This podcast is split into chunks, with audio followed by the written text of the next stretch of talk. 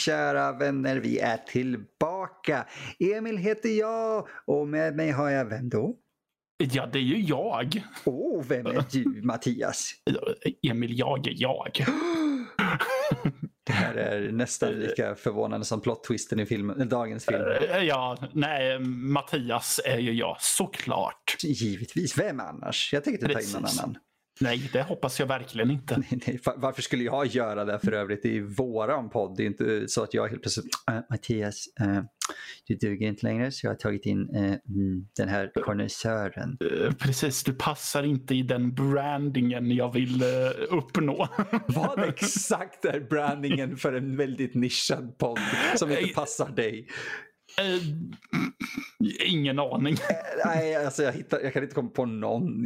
Jag, jag, nej, du är den bäst lämpade för det här jobbet. Ja, det, ja, det, det hoppas jag. Damn straight. Uh, jag har en en lyssnarönskning idag är det faktiskt. Från säsong ett om ni kan tro det.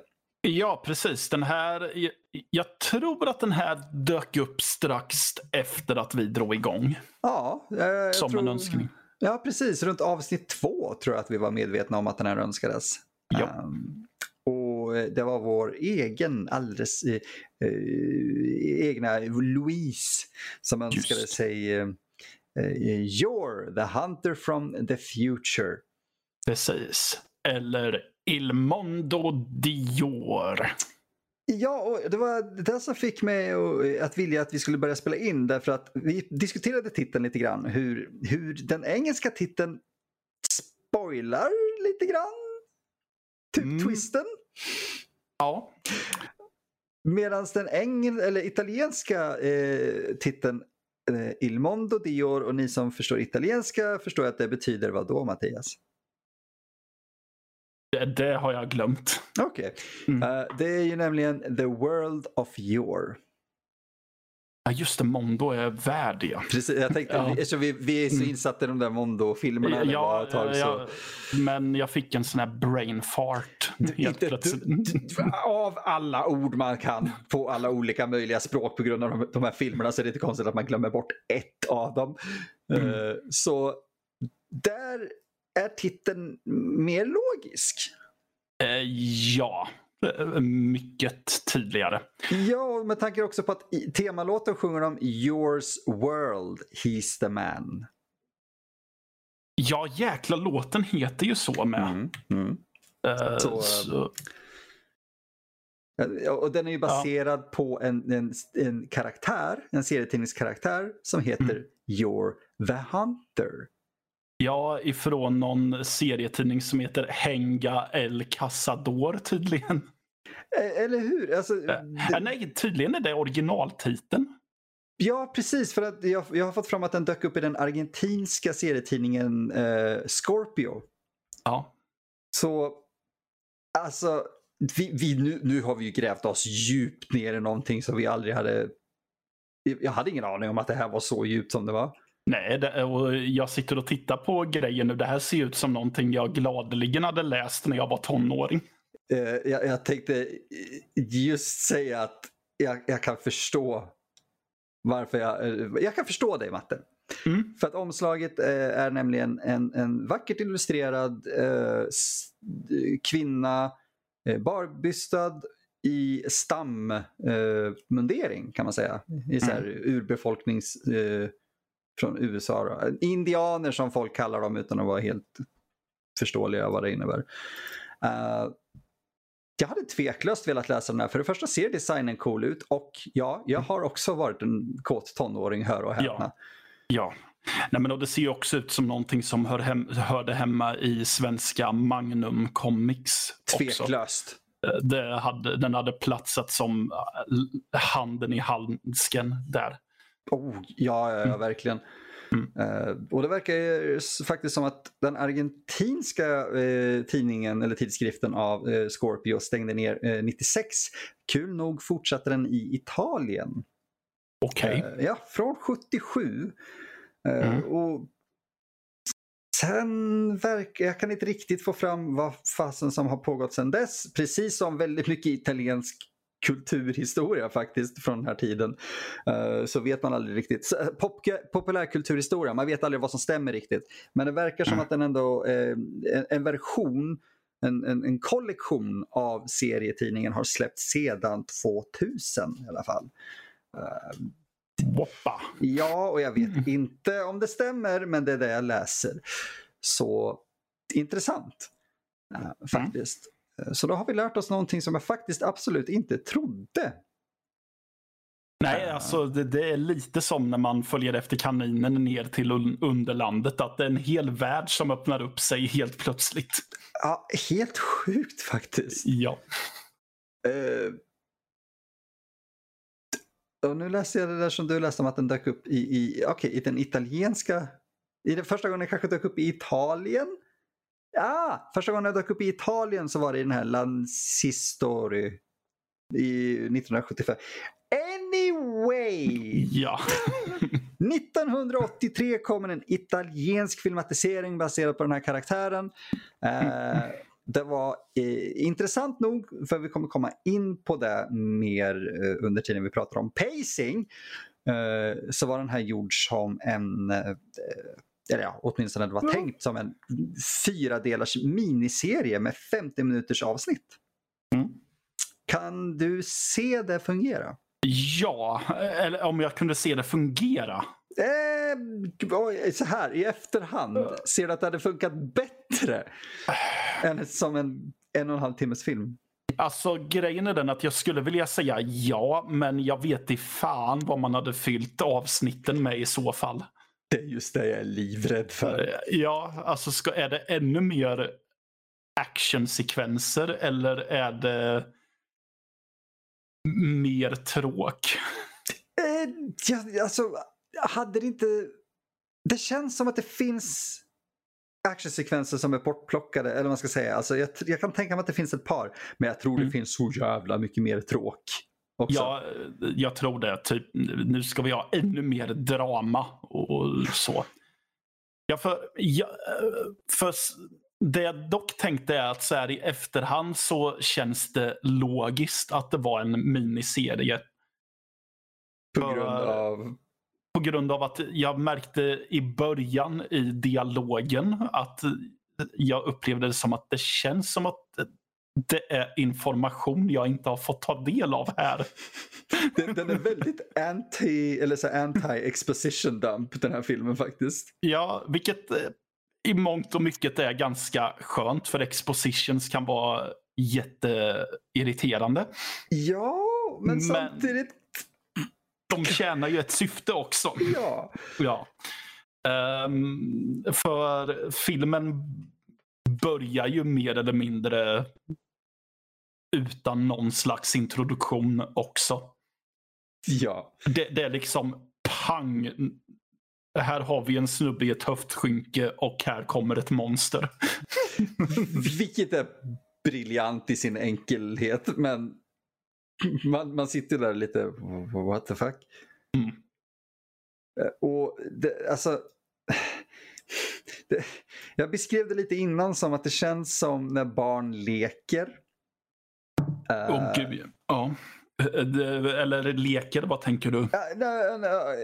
Okej, okay. när man är du vet, ute, eller man var ute på ett fält eller någonting. Man hade pinnar som svärd eller klubbor och sen slogs man och sa typ Jag är den här och jag är den här. Och sen kommer någon dum fan och bara så här Jag är en robot. Och man, så här, man lekte barbarer. Ja. Och så här, okej. Okay. Du är men, dum, men du får vara med. Och det är så den här filmen känns. Ja, ja men lite så här. Ja, men vadå, robotar finns ju inte. Jo, det gör det visst det. Det är framtid, inte så. Utan, ja, precis. Det, det gör det visst ingen förklaring. Ja, och lite så är ju den här filmen. Och jag älskar den för att den är så rätt fram med det. Men ja. fortfarande, vad fan? ja. Okej, okay, jag ska vara ärlig om att jag var lite rädd för att se den här. Mm. Uh, har ju, den har ju ett rykte, det lilla rykte den har. Uh, att vara, antingen är den sån där, man hatar den eller man älskar den jag, jag, jag känner mig lite mer eh, likgiltig. Uh, jag är glad att jag såg den ordentligt, äntligen. Jo. Jo, jag känner väl lite samma sak. Att jag har egentligen inte något uttryck eller något intryck åt bra eller dåligt heller. Om man ska börja där. Men eh, jag vet ju att jag känner mig ändå helt matt bara fem minuter in i filmen. För som sagt, den är väldigt så här pang, nu händer saker. Och det, det, är skitkonstigt för egentligen är filmen ganska straight forward. För att det hintas som att han har något uh, större syfte för att han har ett halsband på sig. Ja, den jävla amuletten. Uh, en amulett heter det ja. Och, uh, ja, och så är det typ ja, du ska besegra ondska och någonting om gudar. Så. Ja, men det är hela det här möget med liksom Heroes Journey. Ja, ja så alltså det, det är skitweird. För den är straightforward den är egentligen väldigt lätt att hänga med i utan att man egentligen tänker på att man sitter och tittar på en film. Vilket kan vara skönt ibland att det är en film som man bara typ behöver hänga med i. Men jag satt ju och kände sen att jag vet i fan om jag kan redogöra för vad det är som har hänt här egentligen. Och den är så... Jag kan inte komma på något annat ord än random ibland. Ja. Som, det, det, är en kvinnlig karaktär som vid ett tillfälle blir tillfångatagen av några grottmän. Oh, nej. Och så när de väl är inne i grottan så ställer sig ledaren för de här grottmännen och säger du, du, du och du. Nu ska vi slåss och hon där, hon är vårat pris. Okej, okay, så ni kidnappade henne och släpade in henne i ert hem bara för att ni ska slåss mot varandra? Logics. ja, eller ja. Alltså, det, det, är mycket sådana saker som händer som jag känner i en fyradels miniserie så ser jag att det funkar som du vet en, en, det avsnittet, typ kom, dess konflikt. Ja. Typ, ja men okej, okay, om, om nu det här hade varit bättre skrivet så hade kampen mellan de här, eh, här den här stammen om henne, den hade varit eh, eh, B-plotten. Ja. Liksom, vem, vem har eh, stora citationstecken mm. rätt till deras eh, fynd. Uh, Medan Jor springer runt och då försöker lösa hur ska han hitta henne. Uh, nu har de ju tagit bort allting emellan där i princip, känns ja. det som. Och det är då man bara så här, okej, okay, vi går från set piece till set piece till set piece. Ja. Fast de har ingen budget för set pieces. Ja, ja men då, precis. För vi stöter ju också på en kvinnlig karaktär som också har någon amulett. Väldigt tidigt i handlingen egentligen. Eh, ja, och där är det också att jag typ kände att helt plötsligt så var den handlingen avklarad. Mm. För de slogs, mot, de slogs mot folk och jag hängde inte riktigt med på... Här kommer vi återigen till att egentligen är det straight forward. Men jag kan inte redogöra för vad det var som fick den här scenen att gå från den punkten till den där punkten. Åh oh, gud, nej. Nej. nej, äh, det, det, nej, nej, nej. Alltså det känns ju som... Uh disjointed, alltså frånkopplade avsnitt. Eh, inte ens i en miniserie som har en och samma handling. Utan det mm. känns bara som okej, okay, det här är veckans avsnitt liksom. Lite som Hercules eller eh, Exina eller Sina. Ja, ja, men precis. Återigen utan budget. Ja, eh, men det som framförallt kändes logiskt att det här var tänkt att vara i en serie. Det var, för jag sa ju till dig att det kändes som att den här filmen hade typ fyra slutscener. Värre än Sagan om Konungens. Ja, med slut, slutet inräknat. Ja. För eh, som sagt, med den här tjejen som också har en amulett runt halsen. Då vet jag att jag satt och tänkte när de skulle åka iväg med båten så tänkte jag att Okej, okay. där gick en och en halv timme ganska fort. Mm. Och sen, nähä, den fortsätter. Och det där hände flera gånger att jag tänkte, okej okay, nu är det Nej, det var inte slut. Alltså, det, det, är så extremt störande men jag ger dem att de ändå knyter ihop de här plotlinesen.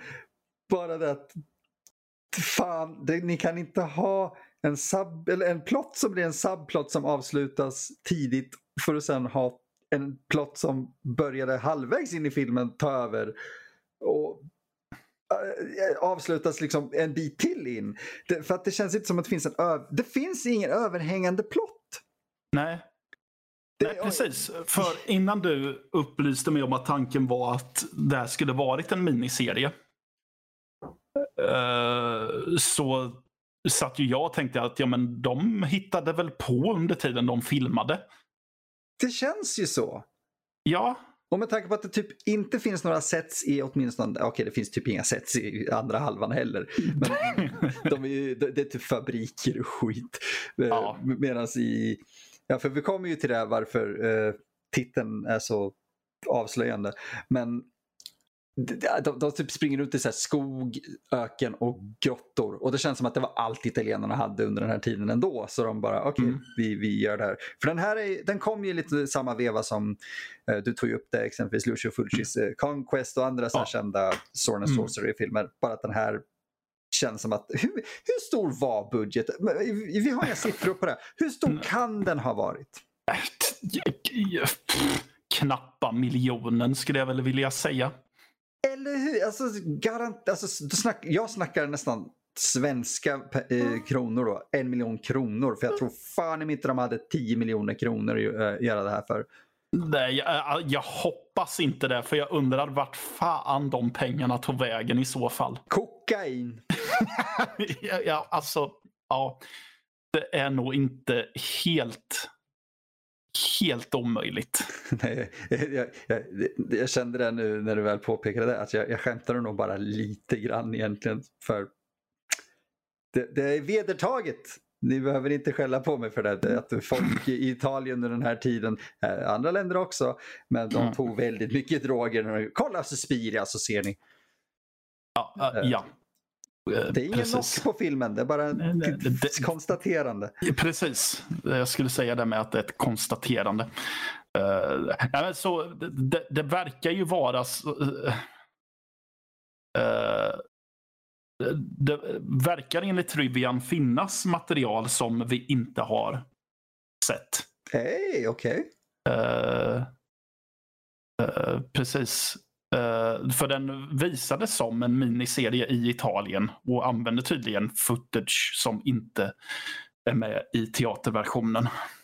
Åh oh, fan! För jag läste bara om den lite längre filmversionen i Italien och sen gjorde de en kortare amerikansk ja. tror jag, men okej. Okay. Ja, sen i och för sig, det kan ju vara en som har fel som har bidragit med trivian också. Det kan det, det, är alltid det som är lite svårt med trivia och kuriosa och sådär. Att man kan inte alltid hitta källförteckningar. Ja, precis.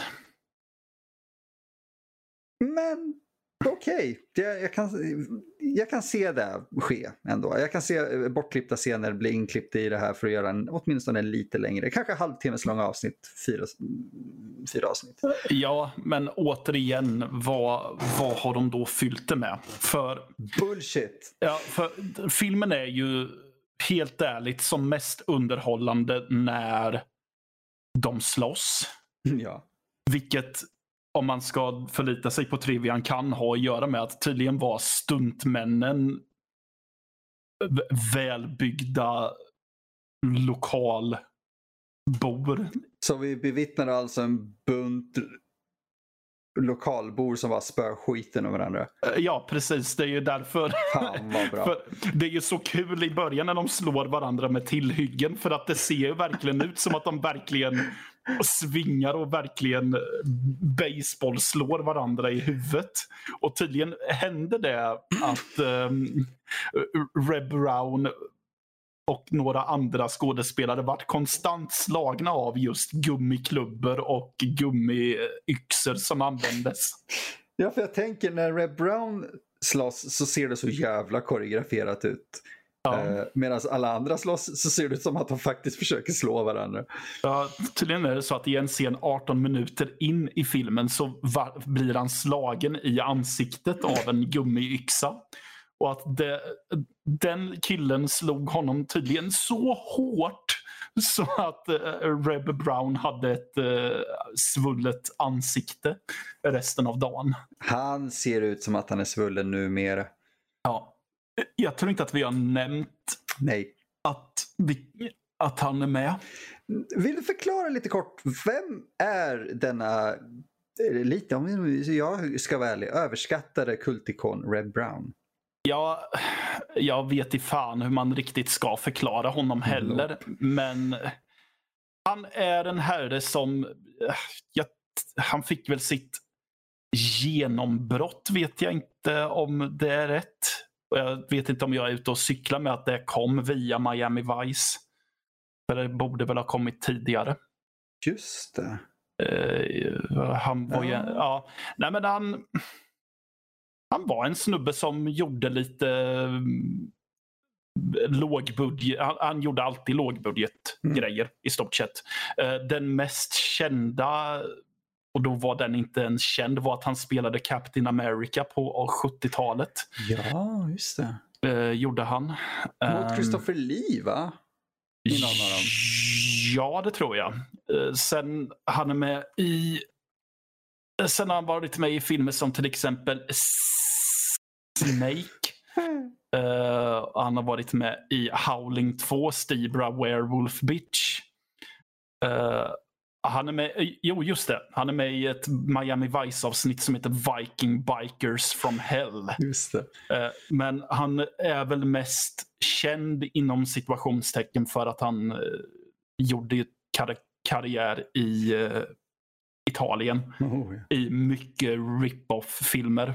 Bland mm. annat då eh, Strike Commando som är väl en av de mer kända eh, Rambo rip-offsen.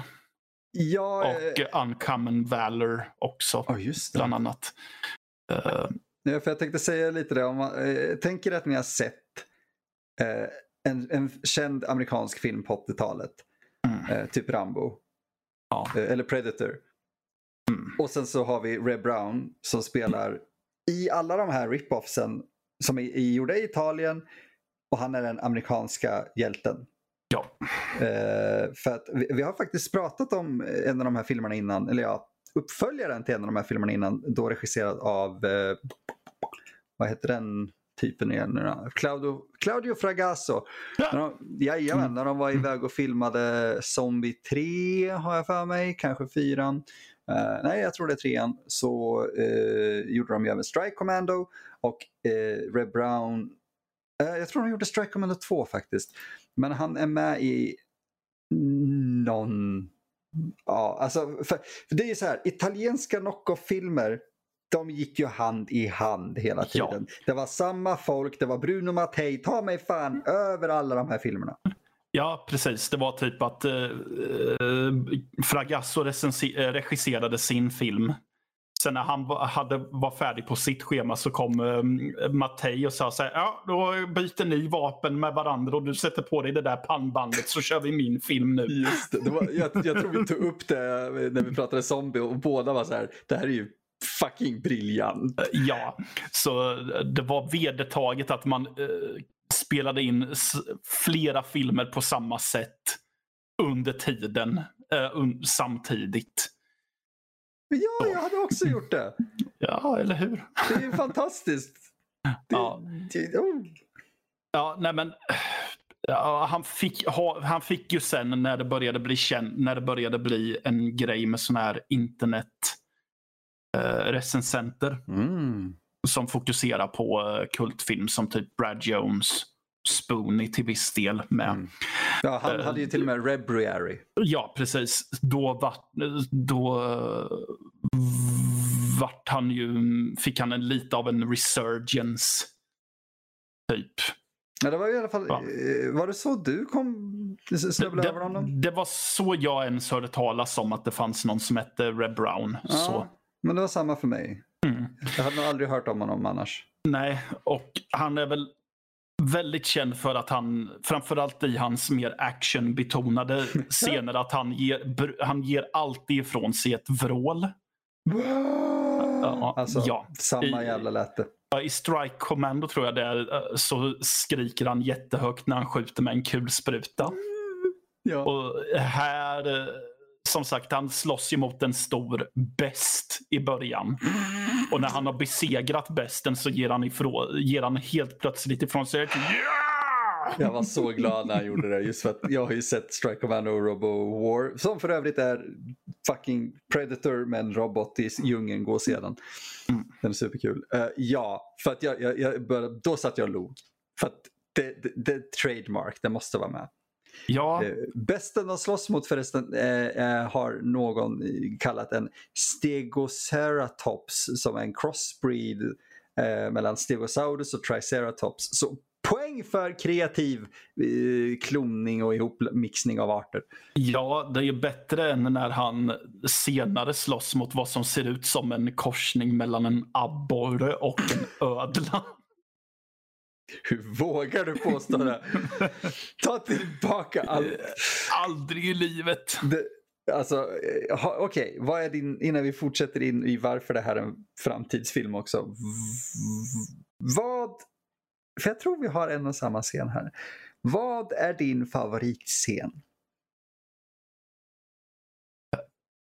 Har du någon? Jag vet inte, jag försöker komma på om jag har en favoritscen. Äh, jag kommer inte på någon just nu. Det är fullt förståeligt för det, är, Mm. det, det händer mycket men man, det, det är det att det händer ingenting.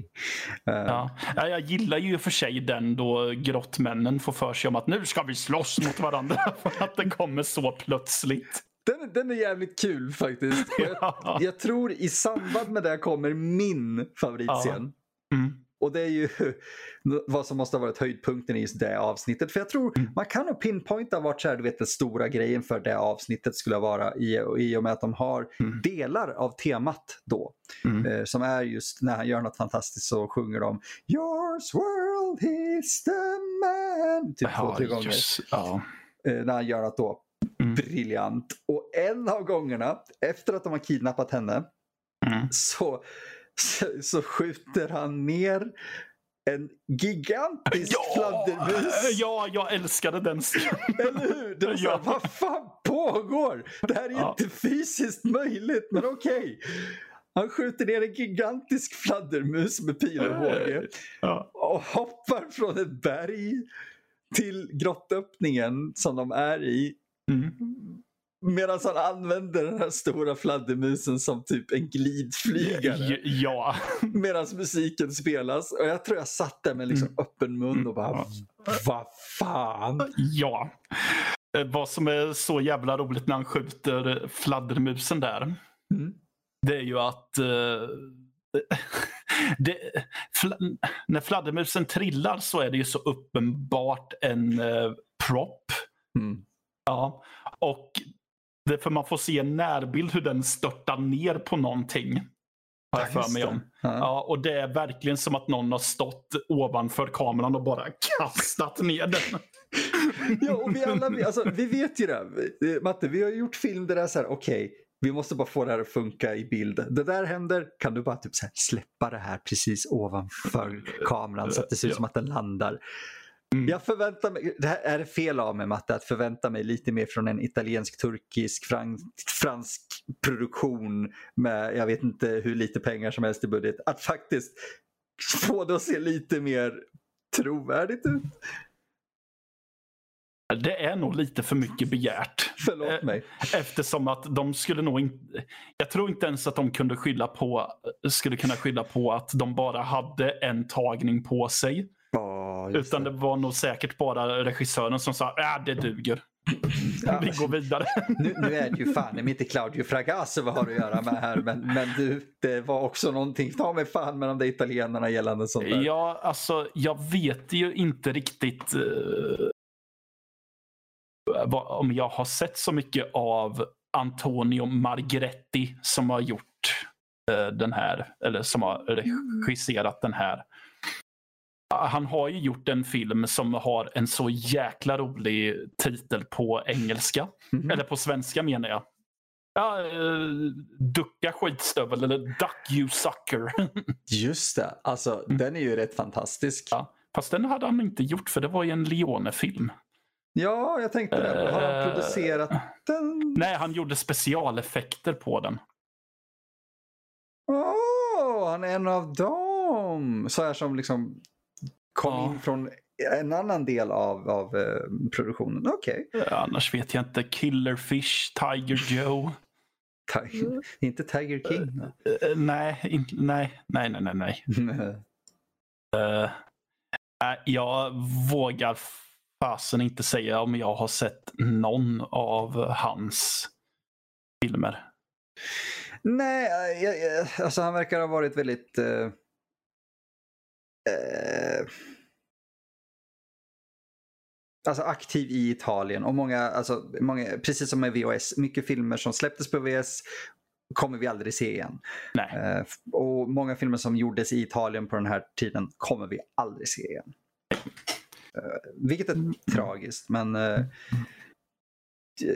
ja, alltså han hade en ganska stor tragedi i sin karriär med Lasia som kanske kan ha haft med någonting med det att göra också. Det är att under en filminspelning av eh, Tiger Joe, ja precis, eh, så dog hans eh, long time friend och cinematographer Riccardo Palo, Palottini, antar jag, eh, i en flygplansolycka. När de försökte filma sista scenen, eh, sista liksom, bilden. Eh, Det är någonting som George Miller gick igenom under, eh, vad heter den, Mad Max 3 Beyond Thunderdome. och Vilket rubbade hans liv i flera år till och med så att han inte kunde regissera någonting annat förutom hans ikoniska actionscener i, i tredje Mad Max. Mm. Så det kanske är lite därför också när någonting som är så viktigt egentligen i en karriär som din cinematographer rycks ifrån dig. Det blir svårt att upprätthålla någon form av passion ändå. Jo, precis. Ja, men eh, den här filmen har ju robotar också. Oh fuck me, nu är vi där ja, just det. Ja. Ja Matte, den här filmen har robotar. Varför har den här filmen robotar? Jo, ehm, jag började ju ana lite för jag började fundera lite när filmen hade hållit på. För jag ska vara ärlig och säga att filmen är typ en och en halv timme lång. Mhm. Eh, men den är så dåligt pacad så det känns som att den håller på fan så mycket längre. Ja. Ja, eh, så när filmen har hållit på i en evighet så, hitta, eh, så hittar de en, en typ plastbit ser det ut som. Ja, Eh, Ja, Det var nog det. Ja, det, det, alltså det ser ut som en lykta till en bil ungefär. faktiskt. Ja, men eh, jag hade ju börjat, jag hade ju börjat fundera på varför ti- titeln var, heter som den gör. Och började jag ana vart det kanske är på väg. Jo, Um, jag måste bara slänga in en grej där för att det finns en scen som, jag uppfattar inte det här Matte. Nähä. Gjorde du det här kanske? För att det finns en scen tidigare som kan skvallra om det och det är att eh, när eh, efter att han har eh, hjälpt henne och befriat henne ifrån eh, eh, grottmännen så Mm. blir de ju eh, vänner med en annan stam som Ja. blir mördade av ufon. Som vi inte ser, men de skjuter laser. Ja, det, det, jag måste ha sovit då eller något sånt där. Jag vet. Det, det, det minns jag inte. In- Jag gör inte det heller. Nej. Men jag funderar på om är någon du vet, throwaway line kanske som liksom Ja, är överdubbad Kanske. eller något. Ja. Eh, För att det, det ska väl i så fall då vara första hinten om det. Ja. Men fortsätt för att här, nu blir det fan weird. Ja, men den här metallbiten som de säger att det är, även om den ser ut att i allra högsta grad vara gjord av plast. eh, den börjar, det är en röst som pratar om att uppdraget är slutfört och här Ja, har man ju sett lite här ser man lite robotaktiga män som går omkring. Och så här börjar man ju ana vart det är på väg. Ja, bara, Eh, det- det är ju där- typ en walkie-talkie eller någonting Ja, hittar. precis. Där kommer ju en av Reb Browns roligaste repliker i den här filmen och det är typ Damn talking box! Exakt, och så typ har han sönder den. Kastar den ner på marken bara. Så jävla bra. Ja, då visar det ju sig att det är eh, en hemlig bas med futurism som är världens sci-fi anläggning. Eller en hundmatsfabrik. Ja, där de tar Jor till fånga och gör lite experiment. Och vi får då reda på att det är en snubbe som heter The Overlord. Som ämnar att eh, skapa någon typ av supermänniska med hjälp av Jor tydligen. Ja. Eh, ja, något sånt. Och vi får ju då också reda på vart Yor kommer ifrån. Att eh, hans föräldrar kommer från samma ställe som Overlord. Ja, Ja, att allting egentligen är så här, det Ja. har varit en, en, atombombs, eh, ett atombombskrig. Ja. Jag kommer inte alltså det är där man zonar ut. Här är Ja. ett av få tillfällen där det faktiskt är en exposition dump. Ja, precis. Men vi får reda på att det, det, det här är framtiden helt enkelt. Eh, för det är framtiden för de futuristiska människorna för att deras förflutna är... Ja, ja, det, världen har blivit atombombad. Typ, Det här är basically apornas planet helt Mm. enkelt. Bara mer högt skynke antar jag. Ja. eh, Och färre apor. Fast de kallar honom apa har jag för mig va? Typ hela tiden. ja, ja, jag har för mig om det. Eller vilken film? Jag kan ha sett någonting annat nyligen där det var samma upplägg. Jag Ja. vet, alltså det, det här någonstans så blir man så här. eh, Man, man, man skiter lite i vad som sägs för att den blir, den blir kul här tycker jag. Den här sista akten är hysterisk. Ja, det, det är den. Ty, tyvärr så skuggas ju roligheten för mig över att filmen har innan här tappat fart något så gruvligt. Ja. För efter att de har varit uppe hos den här tjejen som har en liknande amulett. Uppe i bergen där. Ja. För hon, hon dör ja. gör hon. Efter det så är det som att någon drog i handbromsen så hårt och filmen verkligen släpar sig fram. Så när, när, spektak när det roliga spektaklet inne på den här militäranläggningen börjar så var jag så trött så att det var knappt att jag reagerade på vad som hände. Ja, därför att det är det. Det har varit startstopp, startstopp, startstopp. Som funkar typ för en serie. Ja. Men det funkar inte i en film. För att man, det är just den här man slår av på, av på. Och, och man bryr sig inte då när man kommer fram till slutet. Eh, och det blir lite den där, när hon, jag tror hon heter Roa, när hon dör. Mm. Så blir Ja. man också så här, okej, hon presenterades för typ en kvart sedan om ens det. Ja. Varför ska jag bry mig om inte filmskaparna bryr sig? Eh, vilket är fel att säga. De, de, eh, Antonio Margaretti verkar ha brytt sig faktiskt. Eh, han, han påstår, eller innan han gick bort, att det här var hans mest framgångsrika film, att han var väldigt stolt över den. Det är ju förmodligen inte hans fel att den har de brister den har, utan jag tror faktiskt att mycket ligger i eh, hans att det är tack vare honom som den faktiskt har ett par kul segment. Men, men pacingen dör så jävla hårt, eh, mer än, alltså, knappt halvvägs igenom, att man bryr sig inte. Nej.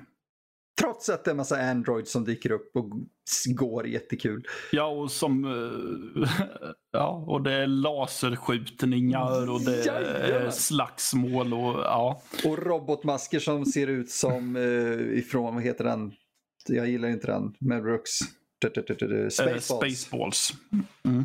Visst ser det ut som hans mask? Ja. Fast i mm, mer rimligt format. Ja, exakt. Alltså, Mm. den, den passar i hans ansikte mer, men det känns som du vet, de har gått och köpt den. Eh, i en maskeradbutik som sålde masker baserade på Spaceballs. Hade Spaceballs kommit ut? Jag tror inte det. Jag tror den var senare än... Eh, Jag kommer, när kom Spaceballs? Jag kollar. Eh, 1987, så den kom senare. Ja, precis. Då är det, då är det Mel Brooks som har, som har köpt your merch. Den lilla rip-offen. Det ser jag dock som högst orimligt. Alltså, eh, ja. Jag, jag, jag tror ju inte att filmen var så pass framgångsrik att den fick merch. Nej, gud nej. Men jag, tänk, jag tänker att, att kanske nu när jag tänker efter mer och mer och jämför maskerna faktiskt. Det skulle inte förvåna mig om Mel Brooks såg Your. För det känns som en film han ändå skulle gilla och bara den där masken är fan mig rätt snygg. Låt mig sno design. Ja, men göra den större. Ja, vad annars? the bigger the better. Oh, fuck, ja. Jag vill nästan se Spaceballs igen men jag vet att jag inte kommer gilla den. Nej. Men, ja, precis. Men det är ju här... Så, som sagt, här är det ju ändå ganska sent i filmen. Mm. Och det är ju nu vi får reda på att det här har varit framtiden hela tiden. Mm. Och det är nu titeln faktiskt är logisk. Ja, först nu. Ja, men samtidigt är ju titeln väldigt mycket en giveaway för slutet. Ja, För här hanterar de ju det som att det är lite av en twist nästan. Alltså det ska ju vara en twist. Ja. Men, men med tanke på att filmen egentligen hette eh, The World of Your så ser jag att det är en twist. Ja, Men du vet USA och titlar. De ville väl förklara att det här är eh, vad det är så att inte folk blev förvånade över hur jävla lustigt det var. det låter ju fräckt med Your Hunter from the Future. Det, ja, tveklöst. Ja, Jag är helt med på den titeln. Ja, och jag menar omslaget har ju hur Red Brown står på en platå och skriker mot flygande tefat med. Så. Det är nästan så att den här planschen är bättre än filmen. Ja, men ärligt talat i den här typen av film är inte det grejen väldigt ofta. Alltså, Ja, jo, det är Ja, italienska filmer och vet han Roger Corman. Ja, de, där, var det ju till, och- där var det väl till och med så att eh, postern kunde finnas innan filmen ens hade börjat att filma. Det var väldigt vanligt att det var så. Ja. med, garant, alltså vi vet att det var som med Corman, han har själv sagt det. Ja. Och jag, jag är hundra. Canon gjorde ju det. Fan, det måste de ju ha gjort här. Ja, lätt. Men det, Ja. ja, mm. Men det, det, det fortskrider ju till eh, att, att gamlingen i filmen, som vi inte har nämnt riktigt än, eh, som är helt fantastisk, spelad av ingen mindre än John fucking Steiner. Ja, jajamän. Det, s- när, när, när du påpekar vem det var, för jag, jag tänkte inte på den när jag såg filmen, Mm. så var det, du vet, jag, gick in i någon form av först förnekelse och sen slog det mig vilka filmer han har gjort och bara, eh, Mm. Precis. John Steiner eh, har spelat väldigt många skurkar i italienska filmer. Men han är ju för folk som mig och Emil mest känd som Longinus eller Longinus i uh, Pinto Bras eh, mästerverk Caligula. så jävla bra film. Jajamän. Av helt fel skäl. Ja, absolut inte med den tilltänkta eh, tanken utan av Nej. alla andra skäl.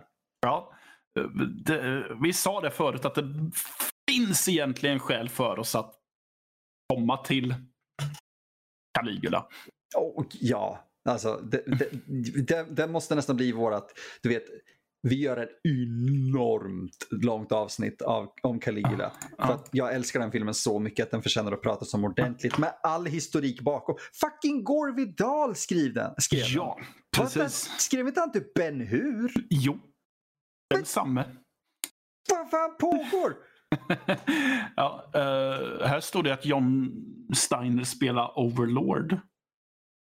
Alltså skurken. Oh, har, jag, har jag fel? med Så det? att han spelade gamlingen. Oh, förlåt mig. Ja, nej exakt. Han spelar Overlord. Ja. Eh, Gamlingen spelas av eh, Luciano Pigossi.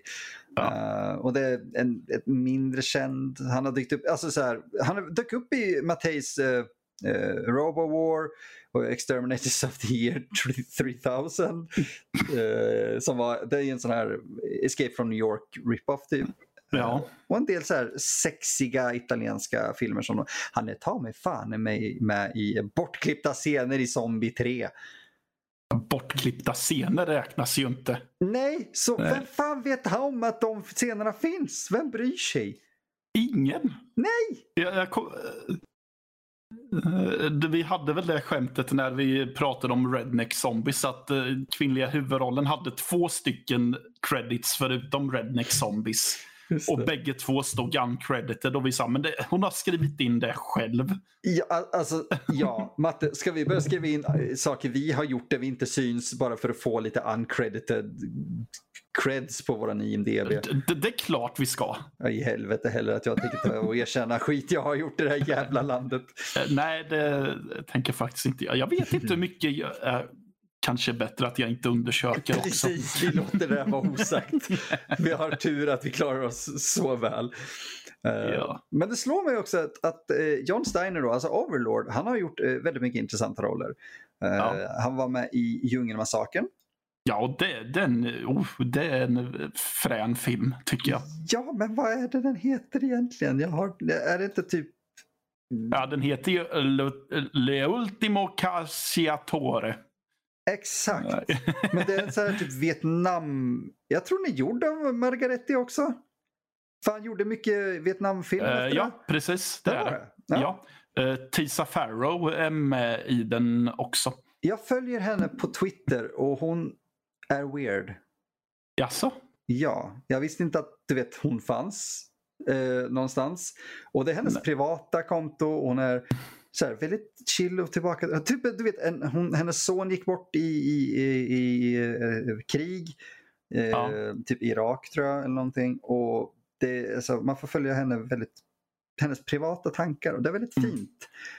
Men I, eh, I USA heter den The Last Hunter. just det, ja, Mm. exakt den. Eh, helt okej film tycker jag. Ja, jag tycker det. Eh, jag gillar den. Ja, men även en av dina favoriter Matte. Salong Kitty. Ja, precis. Eh, Tinto Brass igen där ja. Jajamän. Ja, det, det är en intressant film. Och Ja. underhållande sådan. Det är, den är ju precis som Caligula så är den ett erotiskt spektakel. Eh, vad fan är inte allting från Tinto Brass det? Jo, Erotiskt i de stora citationstecken igen. eh, jo det, det är förvisso sant. Eh, han dök även upp i, på tal om eh, Dario Argentos, eh, Mm. vad heter den nu då, eh, Suspiria förut. Så dök Mm. han, eh, John Steiner även upp i Tenebre. Ja, en av eh, Argentos jag inte har sett.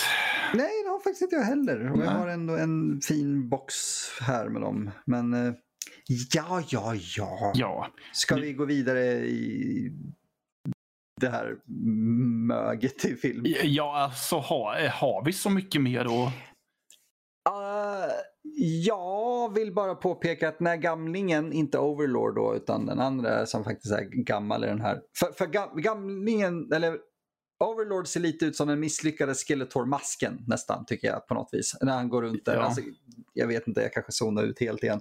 Men gamlingen skjuter ju robotar eller android som vandrar jättestelt mot honom med laser. Och hur indifferent och likgiltig han ser ut i ansiktet när han gör det.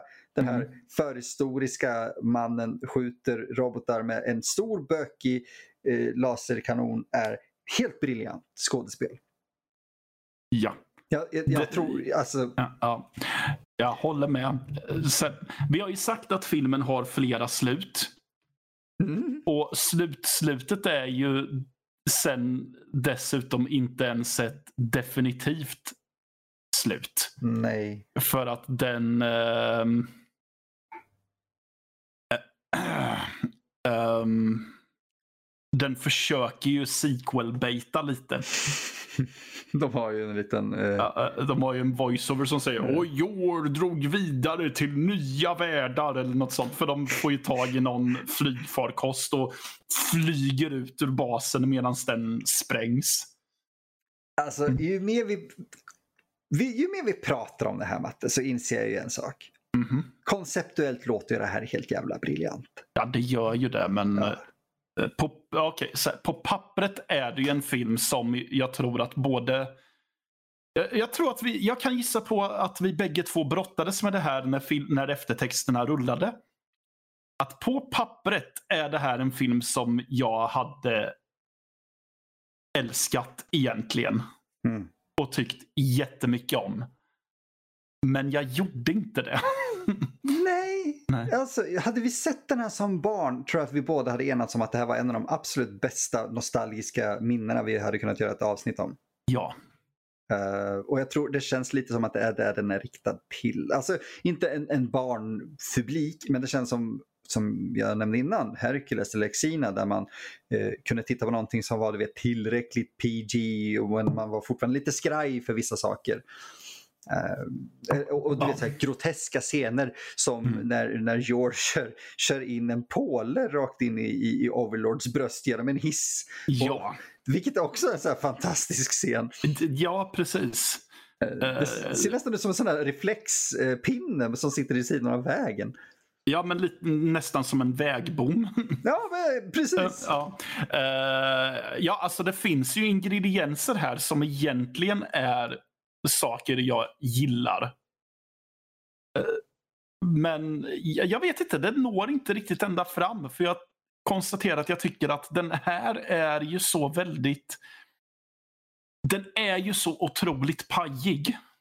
Ja, gud ja. Och det brukar ju inte vara något problem för mig, men den är inte så mycket mer än det. För om jag ska nämna en film som är hör till samma genre som jag gillar. Den heter Deathstalker och är en Ah. Conan rip-off så det bara skriker om det. Inte heller en bra film egentligen. Nej. Men jag tycker att den är väldigt underhållande och den har vad den har som inte den här har är att den vältrar ju, den har ju mycket mer av ett övervåld och så snuskar den sig lite. Så in i...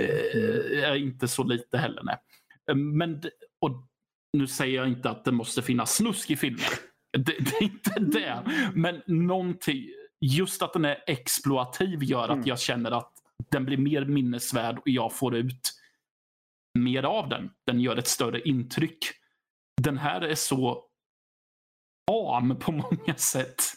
Ja, det, jag tror det, alltså det är därför jag också menar just att det känns som någonting riktat till en yngre publik. Med tanke på Ja. att den gjordes som tv-serie också, eller skulle Ja. vara en tv-serie, eh, sure. Alltså, jag, Mm. jag, jag, jag ser, I'm seeing what you're saying, I'm picking it up and I don't care. För att Ja. den här hade mått bra av just den här exploativa eh, feelingen ändå som Italien. Ursäkta mig italienare, men ni var kända för det. Eh, Ja. Jag vill inte ha, ta bort Tinto Brass från den, det vill jag inte ha. nej, Men, nej. men sätt Diodato på den. Mm, mm. Utan djur precis. i närheten. Eh, ja, ja, gud ja. Ni som fattar, ni fattar. Ja. Eh, för att där tror jag att vi hade haft någonting som hade tilltalat oss eh, mycket mer personligt. För att dessutom Deodato hade vetat exakt vad han skulle göra med en väldigt låg budget. Eh, vet du att eh, den här filmen var nominerad till tre pris? Ironiska pris eller prispriser? ja, det ironiska priset det är ju Razzie Awards. ja, det var det. Okej. Ja, de var nominerade till... Red Brown var nominerad till Worst New Star, alltså sämsta nya stjärnan. Och det var för Worst Original Song. Yours world. Jag vill, Ja. alltså, Det, lyssna på den folk, för den är... ja, Den är weird. eh, precis. Eh, Yours World av Guido och Maurizio De Angelis. Det, det låter som någon, en grupp som ska göra sån här pop dubstep-låt nästan. Eller okej, okay, de, det låter som bandet som gjorde Despacito. Ja, och de, de var också eh, nominerade för Worst Musical Score. Aj, fan, soundtracket har verkligen en beating. Ja, men jag menar soundtrack, om vi bortser ifrån den här jäkla eh, Yours World. Ja, men då är det ju fan med icke-existerande. Nej, men det, det är trumbeats som går i bakgrunden ibland. Så att jag sitter bara och väntar på att typ antingen Ja, främst att jag väntade på att Escape from New York-temat mm. skulle börja köra igång. För att det, det låter ungefär som Flykten från New York-temat men om man tar bort synt-ackorden och bara har trummorna i stort sett. Du, du, du, gjorde precis den låten så jävla ocool. men det är helt rätt ju. ja. ja. Uh men alltså, i slutändan. Ja. Vad skulle du säga? Alltså, Okej, okay. skulle du rekommendera den? Alltså, inte rekommendera som att eh, gå och se den här nu. Nej. Men eh, alltså, jag, jag tycker att är man ett fan av lågbudgetfilm, oavsett genre, så tycker jag definitivt att ja, titta på den. Men se den i gott sällskap, tänker jag.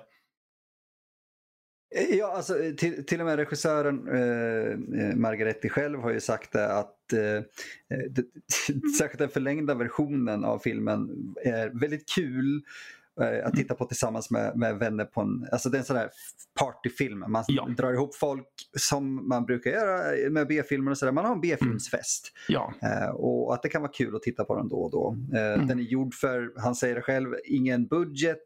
Och uh, ja, det var kul att göra.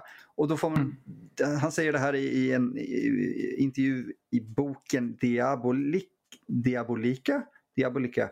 Uh, Supercriminals, Superheroes and the Comic Book Universe in Italian Cinema. Så det säger ändå att det fanns ju någonting i Italien här uh, som, det fanns en marknad för den. Mm. Uh, och den plockades till och med upp av det här är väl det mest pinsamma de har plockat upp kanske, av Columbia Pictures för USA-release. Wow! Ja. Yeah. Okay. Jag har aldrig sett en, alltså, loggan vara så jävla lång. 21 sekunder lång är loggan. Mm varför? Men okej. Okay. Uh, uh, nej men uh, så... Ja, den är värd att kolla. Ja, ja men kolla in den. Ja, absolut. Alltså, ja. Den, den, släpptes 2018 med eh, eh, faktiskt kommentatorspår med Red Brown av oh. Mill Creek Entertainment som vi har nämnt innan. Mm. Eh, då var den amerikanska versionen. Och vet du, jag vill rekommendera den. Uh, mm. Inte som, eh, precis, inte som att säga spring ut och se den. Uh, och särskilt nu, det är 2020 när vi spelar in detta, så kanske man inte ska dra ihop en filmfest med folk. Men uh, säg att man ser den på Discord. Ja. On demand. Och med, med, vänner. Och man, det här är ju tveklöst. Alltså. Det är en, man, hitta på en shotlek under den. Typ varje gång Yours World spelas, shotta och sen drick. Eh, jag vill säga jag vill säga någon drink. Har du någon drink Matte? Ska man shotta drink? Nej, nej, nej. nej. Man har shotta. Man har typ sambuca till Yours World-grejerna. ja. Eh, men sen behöver vi ha en drink. Vad skulle du säga att det här är för typ av drink? För vi säger ofta lager. Ja, men, men låt oss välja en drink. Jag tänkte gå till lager, men okej okay då. Eller hur? Det är en lagerfilm, men det är lite för enkelt. ja, vad fan ska man ta då då? Uh. Ja, jag tänker vara jätteenkel och det passar mm. inte alls. Men jag, jag, känner smaken hade passat där för då hade jag kunnat fokusera på oj, drinken är god. Mm. En stark Sex on the beach. Mm -hmm där persikasmaken med, med, med den här filmen hade jag fan med gillat. För ja. jag får ju fan ingen persika impression från någonting annat än den här. och, jag, och jag tänkte säga uh, Cuba Libre eller hey. rom och cola. Oh, det är fan, det är okej. Där har vi två bra drink. Det här är Ja. en fyllefilm. Man ska bli glad och full under den. Ja, precis. Riva av den här på förfesten. Oh, har Eller, eller som du säger det på... eh, Man tänker att man ska ha en fest med B-film. Då tycker att det här är en bra starter typ. Oh, det är väldigt bra. Det är en Ja. väldigt bra starter tillsammans med de här fina smakrika drinkarna och shottarna innan man du vet, börjar svepa i sig all skit som är billig. Ja. Eh, helt rätt faktiskt, jag är helt med på det. Ja. Eh, så det är ändå en positiv inställning tycker jag eh, till en film som vi båda kanske hade lite för stora förväntningar på. ja, lite så. Men det är ju ja, en rekommendation är en rekommendation fortfarande. Ja.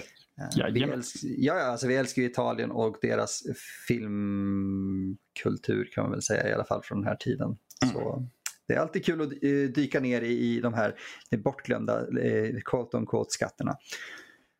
Eh, Men det var väl det för oss den här veckan Matte. Det var Ja. det. Ja, nästa gång då har vi någonting helt annat för er. Ja, det kan jag garantera.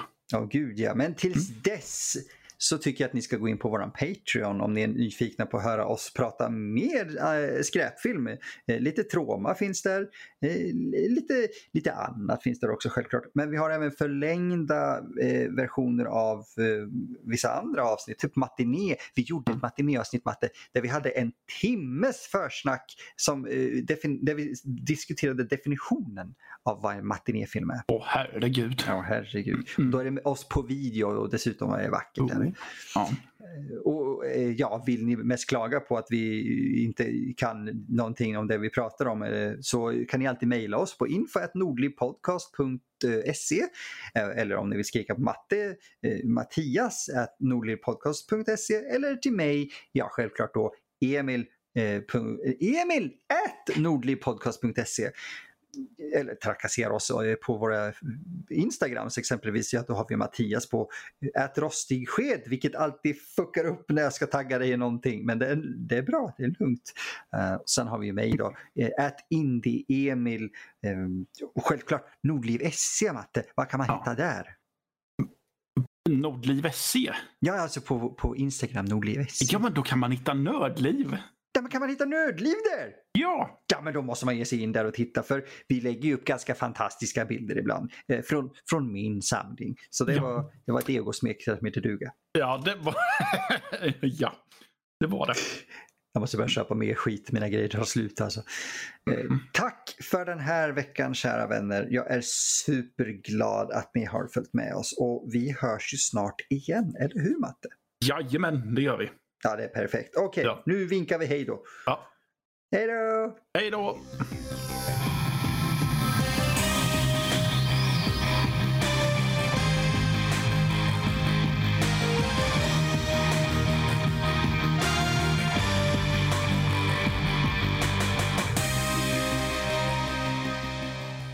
Kultpodden produceras för Nördliv Podcast. Medverkande är Emil Johansson Levin och Mattias Malm.